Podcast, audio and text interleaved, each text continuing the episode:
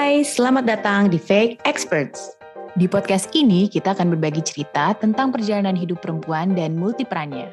Karena di setiap cerita pasti ada pelajaran hidup untuk menuju versi terbaik diri kita. Selamat mendengarkan.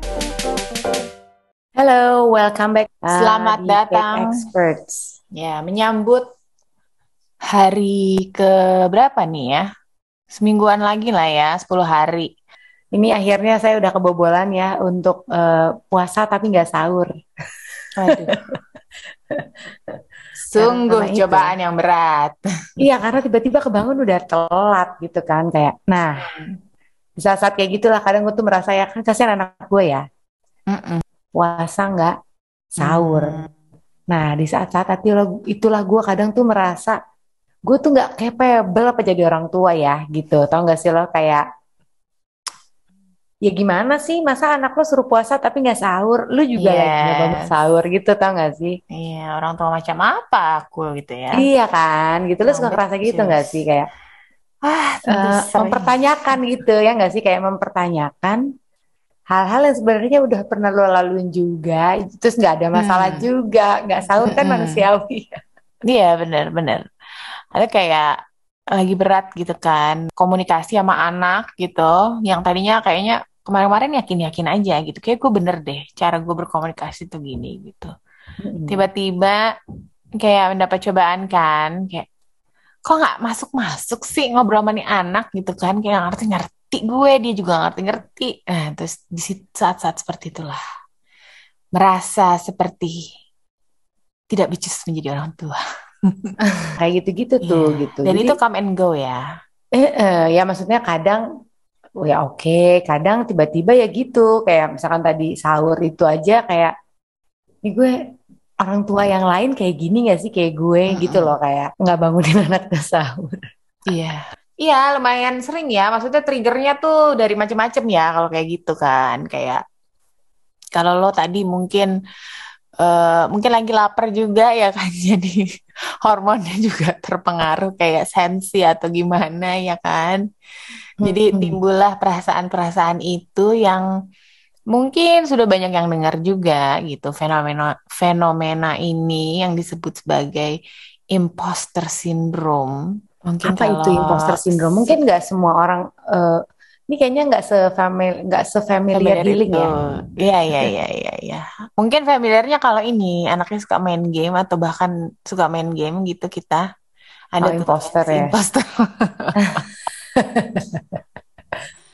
Nah, si imposter syndrome ini ya itu tadi perasaan-perasaan yang kita rasakan tadi itu kayak merasa nggak apa ya nggak pantas lah gitu kayaknya gue tuh berada di di posisi ini di kondisi ini di peran ini tuh pantas nggak sih gue gitu kayak mempertanyakan diri sendiri dan ternyata menurut Hmm. time.com itu 70% orang itu akan mengalami si fenomena ini dalam hidupnya gitu jadi kita nggak nggak nggak aneh ya 70 gitu. persen. 70% Oh berarti banyak an ya. estimated of 70% of people experience. Oke. Gitu. Ya, ya, ya, ya, ya. Jadi eh, ini menurut International Journal of Behavioral Science. Jadi eh, berbagai macam ya imposter syndrome ini me- mempengaruhi perempuan, laki-laki, eh, orang yang bekerja di bidang medis, marketing, aktor, eksekutif apa pun itu pasti pernah mengalami ini. Bahkan kita sebagai ibu pun sering ya mengalaminya ternyata. gitu Ya itu. Baru tadi pagi gue mah. Pas sekali ya dengan Iya topik kita kan? hari ini. Dan eh. mungkin itu adalah fate ya. Jadi harus dibahas hari ini. Iya, Nah, iya, terus iya. ditambah lagi, katanya ini ada satu psikologis namanya Ori Ervin, dia bilang bahwa eh, biasanya imposter syndrome ini terjadi kepada orang-orang yang tidak menginternalisasi kesuksesannya sendiri. Jadi, hmm, apa ya? Oh, in- ini ya kesuksesan tuh butuh diinternalisasi juga ya gitu Iya, maksudnya. untuk diyakini bahwa kita uh, worth Iya, it gitu. iya benar. Apa sih? ke- Sebenarnya ini lebih ke belief ya gitu, bahwa kita tuh Mm-mm. percaya sama diri kita sendiri, bahwa kita tuh Yes. mampu gitu, ya nggak sih? Ya, ya, ya. Jadi ada kepercayaan diri juga di situ ya, self esteem, self Iya. efficacy gitu. Kalau kita Tapi ini bukan ini ya. Tapi ini bukan em, masalah psikologis gitu, bukan ya gitu. Lebih bukan, ke bukan. eh, Lebih ke fenomena aja fenomena gitu katanya. ya. Ya, jadi memang Hmm. tidak ada dalam uh, kamus psikolog gitu ya bahwa Hmm. ini ya bukan diagnosa lah gitu ya. Jadi ini memang satu fenomena aja gitu yang uh, artinya akan orang akan mengalami itu nggak ada nggak ada treatment khusus secara psikologis maupun medis gitu. Jadi uh, kayak fase kali ya orang mungkin akan Iya lagi mengalaminya. drop gitu ya, pas lagi Uh, down gitu ya. Ini gue eh, baca juga ya di healthline.com ya, bisa ya, terkait dengan kayak pendidikan juga gitu. Jadi ya, bukan hanya kayak tadi gue nggak bangunin anak sahur ya gitu, tapi lebih ke pendidikan juga, pengalaman-pengalaman hidup gitu. ya, Mungkin banyak orang yang merasa kayak pengalaman hidup gue tuh kurang deh. Kayak si ya, A tuh kayak udah berpetualang banget, sementara gue tuh minim banget pengalaman tuh bisa juga gitu kan. ya, Sama ya. pencapaian ya, kayak accomplishment gitu, pencapaian apa misalnya. Ini common sebenarnya Ini ya. paling sering ya. Ketika kita Mm-mm. melihat triggernya itu ketika biasanya kalau gue ngerasa imposter nih mungkin melihat orang yang lebih hebat atau kayak mencapai sesuatu yang wah gitu. Dia seorang ibu perempuan bisa mencapai satu penghargaan misalnya tertentu gitu kan. Kita sering lihat ya.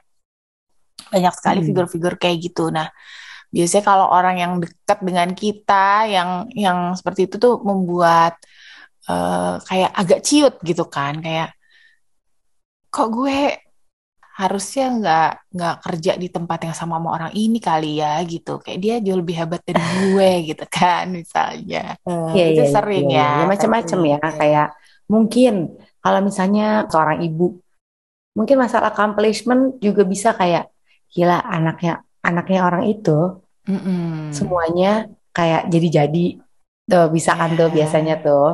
iya Terus kayak betul. Sekolahnya kayak nggak nyaris nggak ada masalah gitu. Eh, Nilainya bagus-bagus, terus di sekolah selalu dapat em, penghargaan dari sekolahnya. Gila, Iya. ibunya hebat banget, berhasil banget. Sementara anak gue nggak gitu. Padahal belum tentu karena ibu aja ya. Padahal Iya, mungkin betul. anaknya aja yang Sebenarnya karena emang anaknya. Terus lebih ke DNA bapaknya bagus gitu. Iya iya iya, apalagi ju- Jadi iya Pak. Jadi jadi ibu tuh paling sering sih mungkin ya imposter syndrome-nya ini ya karena kalau di lingkungan kerja atau lingkungan sekolah ya wajar lah ya gitu. Kita ngeliat teman kita yang pintar gitu kan eh, di sekolah gitu dulu eh, apa namanya? Kok gue bisa sih sekelas sama dia gitu kan? Kayak dia pinter banget gitu. Tapi eh, misalnya di- kalau dulu mungkin di kelas apa kan ada kayak IPA, IPS gitu ya. Mm. Eh, nah itu jadi pembanding-pembanding yang bikin kita jadi eh, meragukan diri sendiri kadang ya gitu. Nah tapi lebih sering lagi itu ketika kita sudah menjadi ibu ini ya. Jadi kayak hal-hal kecil tuh bisa men-trigger banget sih gitu. Satu dari soal eh, prestasi anak, ya satu lagi dari kayak kadang ada kan ibu-ibu yang multitasking banget tuh. Aduh dia nggak istirahat apa ya gitu kan. Nggak yang Kreatif kayak banget yang kayak gitu. gitu-gitu. Iya Yang kadang kan? bikin kita kayak failure gitu kan Iya. ya. Eh, orang aktif banget. Emang ibu-ibu tuh harus aktif itu ya gitu kan. Heeh, gitu. Maksudnya kita di peran yang sama nih kan gitu kayak apa gue pantas jadi ibu gitu dia ibu standarnya segini loh gitu kan No, no, no, sementara no, no. gue Eh, tapi jangan-jangan si ibu yang sangat bekerja keras ini juga merasa nggak pernah capek, nggak pernah ini. Jangan-jangan dia lagi imposter syndrome. iya iya Nih, iya karena di sini dibilang gini ya, hmm, uh, what it feels like gitu ya. Kalau uh, feelingnya orang lagi imposter tuh gimana sih gitu kan? Ini kan sebenarnya Hmm, kon- konflik konflik antara persepsi diri kita dan persepsi uh, orang lain terhadap kita kan. hmm, Consequently biasanya kita sebagai hmm. orang yang sedang mengalami imposter syndrome itu mempressure diri kita untuk Hmm, bekerja lebih keras dan keras lagi iya iya iya iya iya in order kayak untuk memenuhi standar itu tadi kan. ya memenuhi per- standar persepsi orang Iya, ya iya, bukan iya, standar iya. kita kadang Iya. gitu kayak misalnya biar kita tuh selalu di recognize selalu di Di, Dikenali lah gitu lah, ya. heeh. ya, dianggap gitu Mm-mm. sebagai apa nih eh, maunya dianggap sebagai apa kayak gitu pokoknya selalu dianggap orang lah gitu Iya, satu iya, iya, iya. terus kayak eh, memegang satu peranan yang penting gitu Mm-mm. kayak kita tuh pantas ketika kita megang peranan itu ketika kita misalkan jadi ibu tadi atau Mm. misalnya let's say di tempat pekerjaan kita kita menjadi seorang manajer let's say Mm-mm. gitu nah itu kita merasa pantas makanya kita kerja terus supaya itu kita dibilang Iya. sama orang kita tuh pantas lu tuh pantas jadi manajer lu tuh pantas jadi ibu Mm-mm. yang baik kayak Mm-mm. gitu kayak Iya, gitu ya Iya, iya, iya, benar tuh. Itu terus sih ya. apa lagi ini buat ini sebenarnya nah ini, ini yang terakhir nih ya buat feeling kita tuh nggak merasa nggak terlalu merasa bersalah tau gak sih kayak tricking people gitu kayak Iya, iya, lo iya. kerja keras ketika kerjaan sebenarnya nggak begitu banget gitu tapi lu terlihat kerja keras gitu nah lo kan nggak terlalu merasa bersalah ya I work hard Mm-mm. even harder gitu ya kan Iya, iya, iya, iya. jadi Untuk Jadi menutupi ya kesannya jadinya Hmm. ya. Ba- banyak ya di sekitar kita juga banyak berarti Society lah banyak ya. ya orang heeh, berarti orang banyak yang merasa nggak worth it gitu untuk berada di eh, apa pun lah peran dia gitu kan entah di lingkungan, entah di pekerjaan, entah di rumah gitu kan. Karena kita Iya, lihat iya, iya. banyak loh orang yang overwork gitu kan. Jadinya bukan Ini tapi sebenarnya yang tahu ya diri kita masing-masing ya gitu. Ya. Kita kan juga harus membedakan si si workaholic ya Mm-mm. dengan si kerja kerasnya imposter ini. Iya, iya, iya. Eh, terutama di masa sekarang yang eh, orang kan katanya harus work smart gitu kan. Jadi jangan work Mm-mm. hard yang kayak lembur terus, tapi lebih kayak memanage waktunya untuk bisa produktif. Eh, ya work smart itu gitu kan. Cuma pada kenyataannya ya itu tadi ya. Dengan adanya pressure dari orang dan sekarang dari diri sendiri dengan si imposter, imposter syndrome ini. Pressure Jadi, dari orang datang ke diri iya. sendiri. Kita pressure dari kita sendiri supaya dianggap dilihat orang yang nge-pressure. Hmm, jadinya muter-muter Ya, ya. ya. Terus ini nih. Nah, si imposter ini ternyata itu ada kayak tipe-tipenya gitu ya. Nah, ini gue baru tahu nih. Ada lima tipe. Apa aja? Lima tipe hmm, eh, imposter syndrome. Yang Hmm. pertama itu the perfectionist. Um, yang utamanya fokusnya itu eh, bagaimana kita selalu melakukan hal-hal, banyak hal gitu ya. Yang seringnya Ya. tuh pengennya itu adalah kesempurnaan dari diri kita sendiri. Kesempurnaan, ya siapa sih nggak mau sempurna, tapi Hmm. mm, fokusnya itu di kesempurnaan itu ketika kita misalnya, mungkin ini banyak juga kali ya, kayak tipe-tipe imposter yang kayak gini. Yang kayak misalnya, em, kalau lo menjalankan, misalnya lo jadi ibu, ibu rumah tangga, terus Hmm. lo harus yang benar-benar sempurna, atau enggak lo? yang Hmm. kayak Anak lo tuh harus begini, suami lo tuh harus begini, eh, Hmm. ya kan? Fokusnya di Iya. situ gitu, yang pokoknya segala sesuatu tuh harus harus sempurna gitu. Iya, Sementara iya, iya, iya. Eh, kadang itu kesempurnaan itu kan nggak selamanya selalu eh, realistic goal ya. Iya, iya, betul. Itu kan permasalahannya. Iya, maksudnya kalau dengan perfeksionisme ini kan nggak akan pernah puas lah intinya gitu kan dengan Mm. dengan apa pun hasilnya gitu. Jadi kayak dilihatnya ada yang salah aja terus kalau Iya, jadi kadang kita pengalaman kerja dengan Iya, makanya kita jadi imposter karena kita kadang sering merasa fail Mm-mm. karena kita terlalu perfeksionis dan nggak mudah untuk mencapai si standar-standar perfeksionis perfeksionisme kita itu tadi gitu. Iya, iya, iya. Ini sering ya ditemui ya orang-orang kayak gini. Iya, Oke. iya, iya. Yang kedua nih, eh, the natural genius. Hmm, Jadi kalau yang ini itu kita spend our life um, picking up new skills ya. Jadi kayak belajar terus, belajar terus, itu bagus ya. hmm. Dengan sedikit usaha dan kepercayaan eh, bahwa kita harus mengerti materi yang baru dengan proses yang cepat.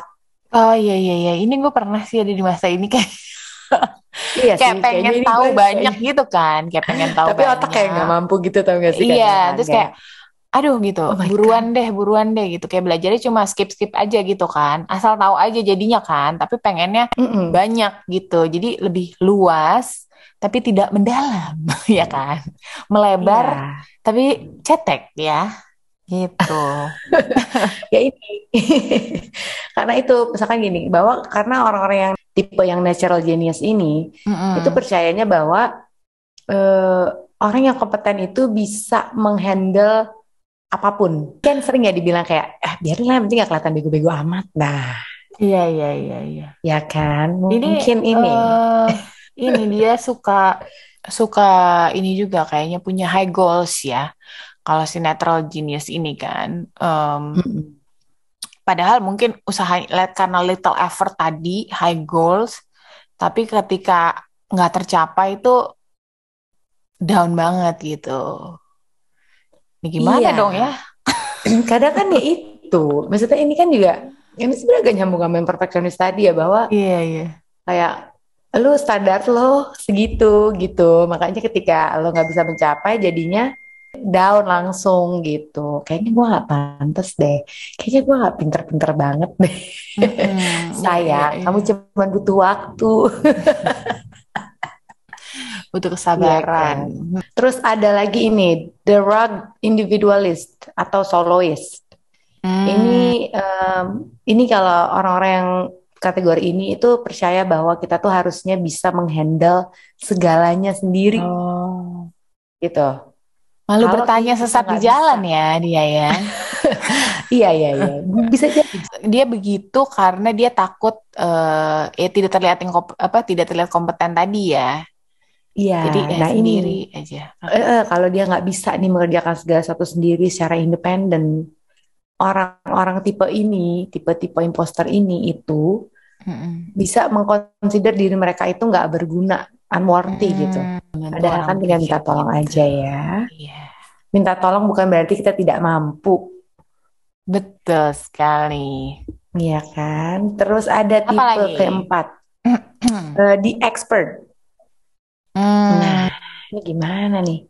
nggak Ini pernah. berkebalikan dengan yang the natural genius tadi ya, Mm-mm, agak-agak mm-mm. gitu. Iya, iya, iya, iya. Ini dia nggak pernah puas kali ya dengan apa sih knowledge yang dia punya gitu. Jadi eh, rasanya kayak harus terus belajar, belajar, belajar terus gitu sampai eh ya nggak tahu ya karena nggak pernah pernah, pernah merasa puas nggak tahu sampai kapan dia jadi belajar Nah, karena kepercayaan orang-orang yang iya, karena orang kepercayaan orang-orang yang eh, imposternya ini di expert ya, tipe di expert, Mm-mm. itu dia percaya bahwa dia harus tahu segala jawaban, semua jawaban di dunia ini gue harus tahu Hmm, gitu. Nah, iya ketika iya iya lo iya iya. mm, nggak bisa jawab satu pertanyaan, nah itu di situ lalu Oh. merasa gagal gitu. Egonya langsung ya terbentur ya. Iya. Oh, gue pikir yang kayak gini tadi si natural genius. Kalau natural genius tuh berarti dia eh punya ekspektasi tinggi, tapi karena Iya, usahanya dikit usahanya dia, ya, ya, ya, oke, oke. gitu. Lalu kecewa Sebenarnya. gitu Jadi, ya. eh-eh, terus ketika lo nggak capai, gue jadi ngerasa gagal. Kok gue nggak bisa mengerti materi Hmm. secepat itu, gue nggak bisa gitu. Kan orang yang natural genius biasanya kan cepat meresap ya, Iya, iya, iya, iya. tangkap iya. segala informasi. Nah ini nggak kayak gitu. Oke. Next. The experts udah tadi ya, harus Mm-mm. tahu segala jawaban. Yang terakhir itu adalah the superhero. Nah, Iya. ini kayaknya nih Kenapa? Merasa bisa. Kalau dari judulnya superhero, ya merasa harus super ya kerjanya ya.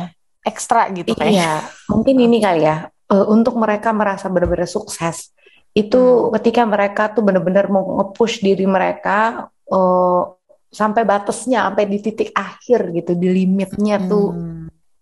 Jadi kayak eh, mengeluarkan sangat banyak energi, energi yang semua yang gue punya gue keluarin deh gitu Eh, di setiap perannya gitu. Jadi mungkin nih kayak ibu-ibu misalkan jadi satu satu orang individu lah ya, yang tugasnya Hmm. pasti banyak kan. Kayak kita misalkan seorang ibu, Iya. seorang anak juga.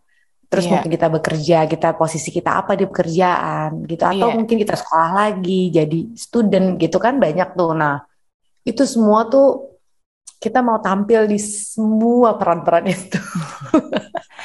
Iya, iya, iya, iya, iya. Untuk menutupi rasa tadi itu ya, tidak apa, tidak pantas atau ragu terhadap diri sendiri tadi gitu. Jadi kayak ya udah deh Mm-mm. kerjain semua mua mua muanya gitu ya.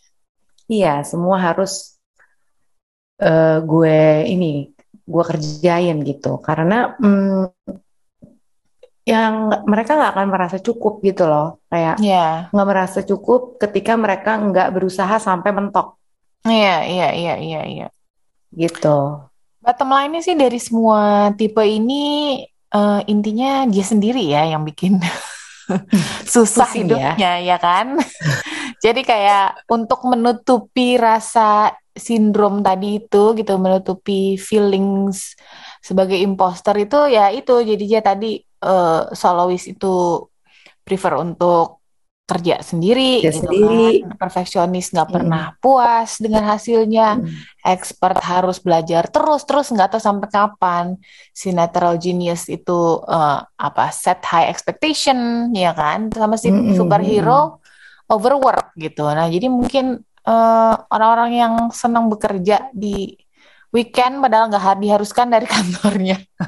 Iya, iya. Tapi ini si tipe-tipe ini tuh berarti kita bisa ya. Kayak dalam satu orang ini kayak gue nih misalnya, gue bisa tuh kadang mungkin gue soloist, kadang gue itu natural genius Ya, misalnya, kadang jadi gue mungkin itu misal superhero tuh bisa mungkin terjadi gitu ya. iya, jadi mungkin eh apa namanya? ada masa-masanya lu merasa kayak yang expert gitu. Ada masa-masa lu ngerasa kayak yang kayak tadi yang gue bilang kayaknya gue nih yang natural genius ya. Waktu masa-masa kuliah Gue kayaknya lebih soloist ya. Aku masa-masa kuliah kayaknya eh tenang gue tahu-tahu setiap mata pelajaran tahu-tahu tahu. Tapi cuma atas-atasnya doang. Tahu judul ya kan, nggak tahu Iya, isinya. waktu exam nggak tahu apa-apa ternyata ya kan. Iya benar.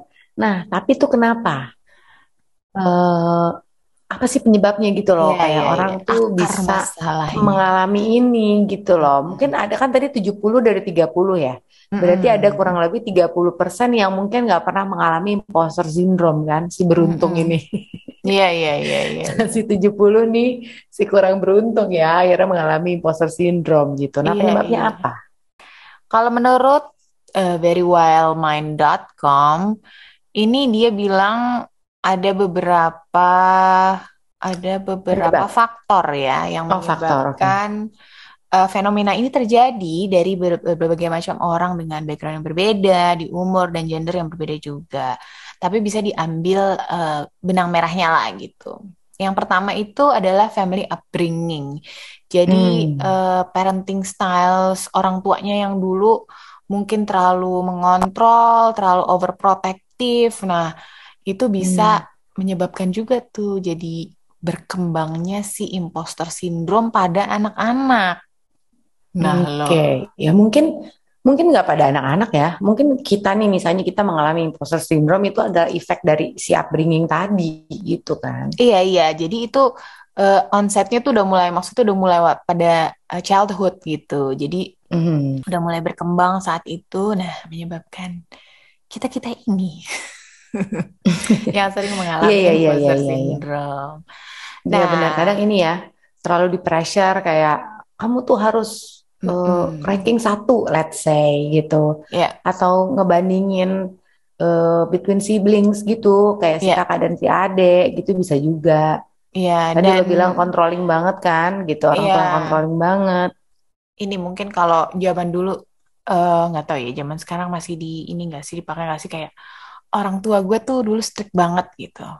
Hmm. ya kan strict gitu Mm-mm. bahasanya tuh eh, yang sangat disiplin lah gitu nah itu kan sebenarnya kata lainnya sebenarnya controlling ya gitu kemudian yang kedua ketika kita dalam situasi yang berhubungan dengan kesempatan baru nih kayak misalnya sekolah baru tempat kerja baru ya lingkungan baru lah ya gitu yang bisa eh, memicu si imposter syndrome ini nah kalau ini mungkin sering Hmm. ya ini eh, yang paling mudah untuk eh, kita relate kali ya. Biasanya kan eh, kalau kita ke ya situasi-situasi baru itu kan kita masih beradaptasi ya.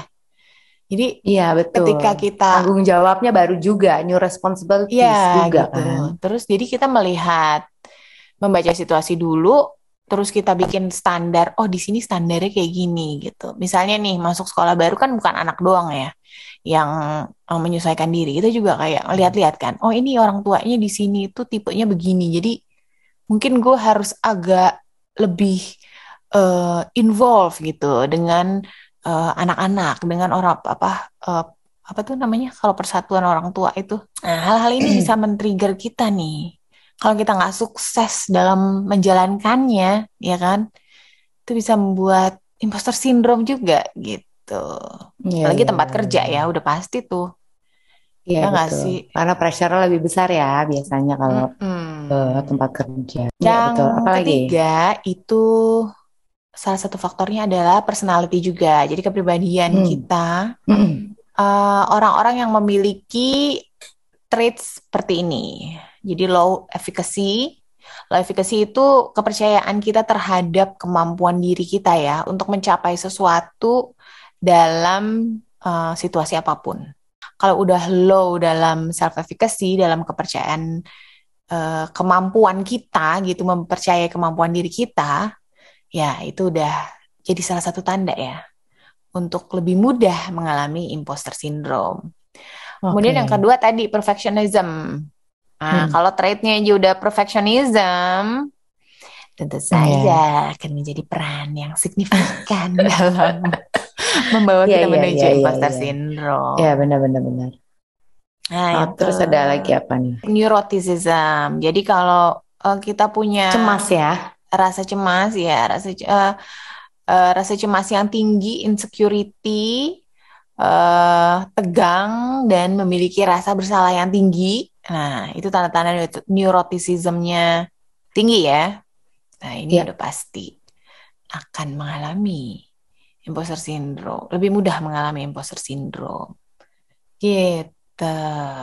Oke. Terus cost yang Berarti banyak ya. banyak. Itu tadi lagi? itu tadi masuk dalam faktor Baru yang personality ya, oke, kepribadian, baru kepribadian tadi. personality. Jadi self efficacy, perfectionism sama neuroticism itu masuknya dalam eh, dimensi si kepribadian tadi. Nah, yang terakhir ini kalau udah punya anxiety, social anxiety, ini Hmm, akan eh, menjadi eh, kayak tumpang tindih gitu dengan imposter syndrome. Tentunya kalau kita iya, iya. cemas dengan situasi-situasi sosial kan akan lebih Ya mudah berarti ya ini ya kali ya eh, simptom-simptom mental health yang sudah ada di kita gitu ya gitu. Jadi kayak misalnya tadi lo bilang si anxiety atau pernah mengalami depresi Ya, itu eh, bisa juga gitu. ya bisa lebih mudah terkena imposter syndrome. Ini berarti ya eh, shout out ya buat para orang tua orang tua jangan suka nge-pressure anaknya, jangan di-pressure banget.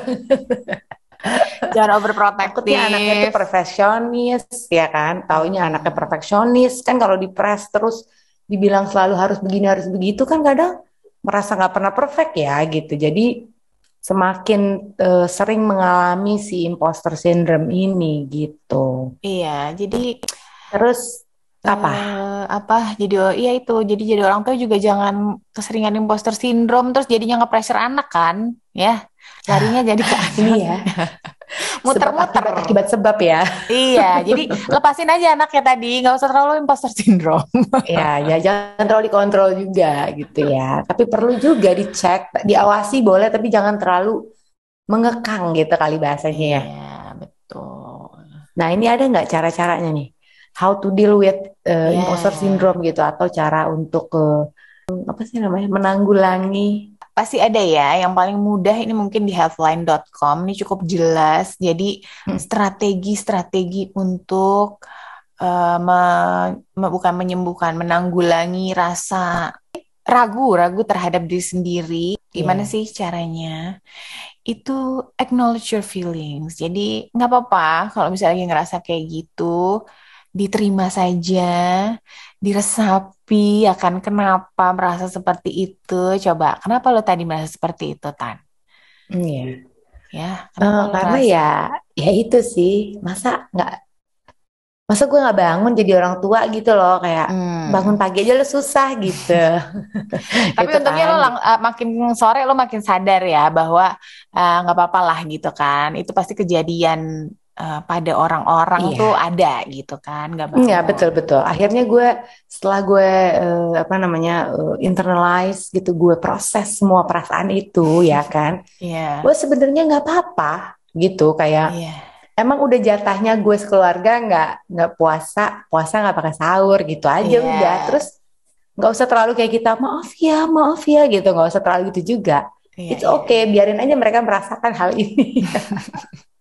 And it's okay loh kita survive nih sampai sore gitu. Iya, nah mungkin ini larinya ke sini juga nih, build connections Gimana? katanya. Hmm. Jadi kalau misalnya kita ngerasa nggak bisa mencapai sendiri nih, ingat bahwa ada support system ya di sekitar kita, ada teman Yes. baik, ada keluarga. Eh, jadi mungkin tadi eh, kalau lo tadi ngerasa emang orang tua ini nggak becus kalau nggak bangun pagi, Mm-mm, kan? silahkan tanyakan ke teman lain. Seperti saya ya tadi Iya, iya, iya, iya. Makanya saya selalu ada ya di setiap di setiap permasalahan yang kayak kita merasa selalu kayak down, kayak Mm-mm. depres, anxiety atau segala macam itu selalu ada yang komunikasi dengan orang lain Iya, gitu ya kan. pasti Ini ada yang bisa relate ini ya. ya. Mm-mm. Iya. Makanya itu juga pentingnya mendengarkan fake experts. bahwa Untuk bahwa banyak kok kekurangan-kekurangan kita ini. iya gitu. Maksudnya bahwa ketika lo merasa kurang tuh pasti banyak orang yang merasa kurang juga. Iya, iya, iya, iya. Yang ketiga itu dia bilang challenge your doubt. Jadi Hmm, ketika rasa-rasa itu, nah tadi juga hmm, kita mulai ngerasa nggak pantas, ragu terhadap diri sendiri. Coba deh, kenapa lu ngerasa ragu? Emang lo sering kayak gini gitu? Emang eh, lo itu dikasih anak tiga misalnya itu karena lo nggak mampu? Kan pasti karena lo mampu gitu. Nah, Betul. itu self note terhadap diri sendiri. Nah, yang terakhir ini, wah ini paling sering avoid comparing yourself to others. Ini adalah pemicu yang menurut gue paling sering ya terjadi ketika kita eh, meragukan diri kita dan membandingkan kita dengan orang lain. Ini paling Iya, iya, iya. pasti Karena paling sering karena kalau orang lain pasti yang kita lihat kan eh, lapisan luar doang kan gitu, Ya, which is yang lapisan paling bagus, paling iya, sering dipoles gitu kan. Sementara kita kan taunya sampai yang betul. lapisan terdalam ya. Diri kita sendiri ya. Nah, ini Yes. jadi daripada kita melihat kesuksesan orang lain itu sebagai refleksi kita melihat keburukan kita, coba kita mencari cara untuk mengembangkan diri kita ke arah yang lebih baik. gitu. Jadi sibuknya sebenarnya fokusnya di diri kita lah ya gitu. Jangan banding-bandingin sama eh, kesuksesan orang gitu. Yang menurut kita Mm-mm. sukses menurut orang itu yang menurut si sukses ini belum tentu dia sukses loh gitu. Ya Makanya dia kan? kerja keras terus ya. Yes, gitu. Padahal kelihatan banget nih, kayaknya maksa banget nih kerjanya nih. Ini imposter Mm-mm. syndrome nih.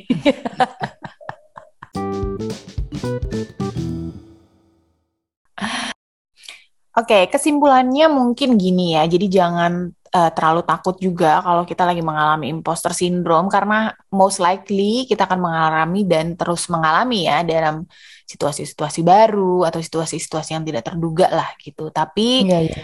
eh, tujuannya eh, saat ini dengan podcast ini mungkin kita bisa berbagi eh, tools, eh, cara-cara untuk eh, tidak ter- terlarut-larut, tidak berlarut-larut ada dalam eh, perasaan eh, apa tadi ragu terhadap diri kita sendiri tadi ya. Iya, betul. Em, semoga Tidak selalu bagus kan, eh, apa namanya, sangat manusiawi ya gitu. Dan kita masih bisa hidup nih sampai sekarang dengan mengalami iya. beberapa cycle imposter syndrome ya. Mm-mm. Jadikan momen untuk refleksi aja kali ya. Yes, Jadi betul. eh, semoga membantu khususnya dalam masa-masa eh, Ramadan ini yang masih suka bengong-bengong sore-sore ya dan membuat kita lebih sensitif karena eh, apa namanya ujian kelaparan ini gitu kan? Iya betul, kayak kok masakan tetangga lebih banyak dan mewah daripada rumah aku misalnya. Aku jadi istri ibu nggak kompeten banget sih nggak milih menu yang tepat Iya. gitu. Aduh ya kan, daripada stop halu-halu itu ya. eh, kurangi inilah ya, kurangi keraguan terhadap diri sendiri, Iya. perkuat eh, kepercayaan ya, self confidence, terus beliefs-beliefs kita tuh supaya diarahkan ke yang lebih positif gitu. Yes. Please subscribe our podcast Fake Experts and follow our Instagram at fake.experts. Fake experts.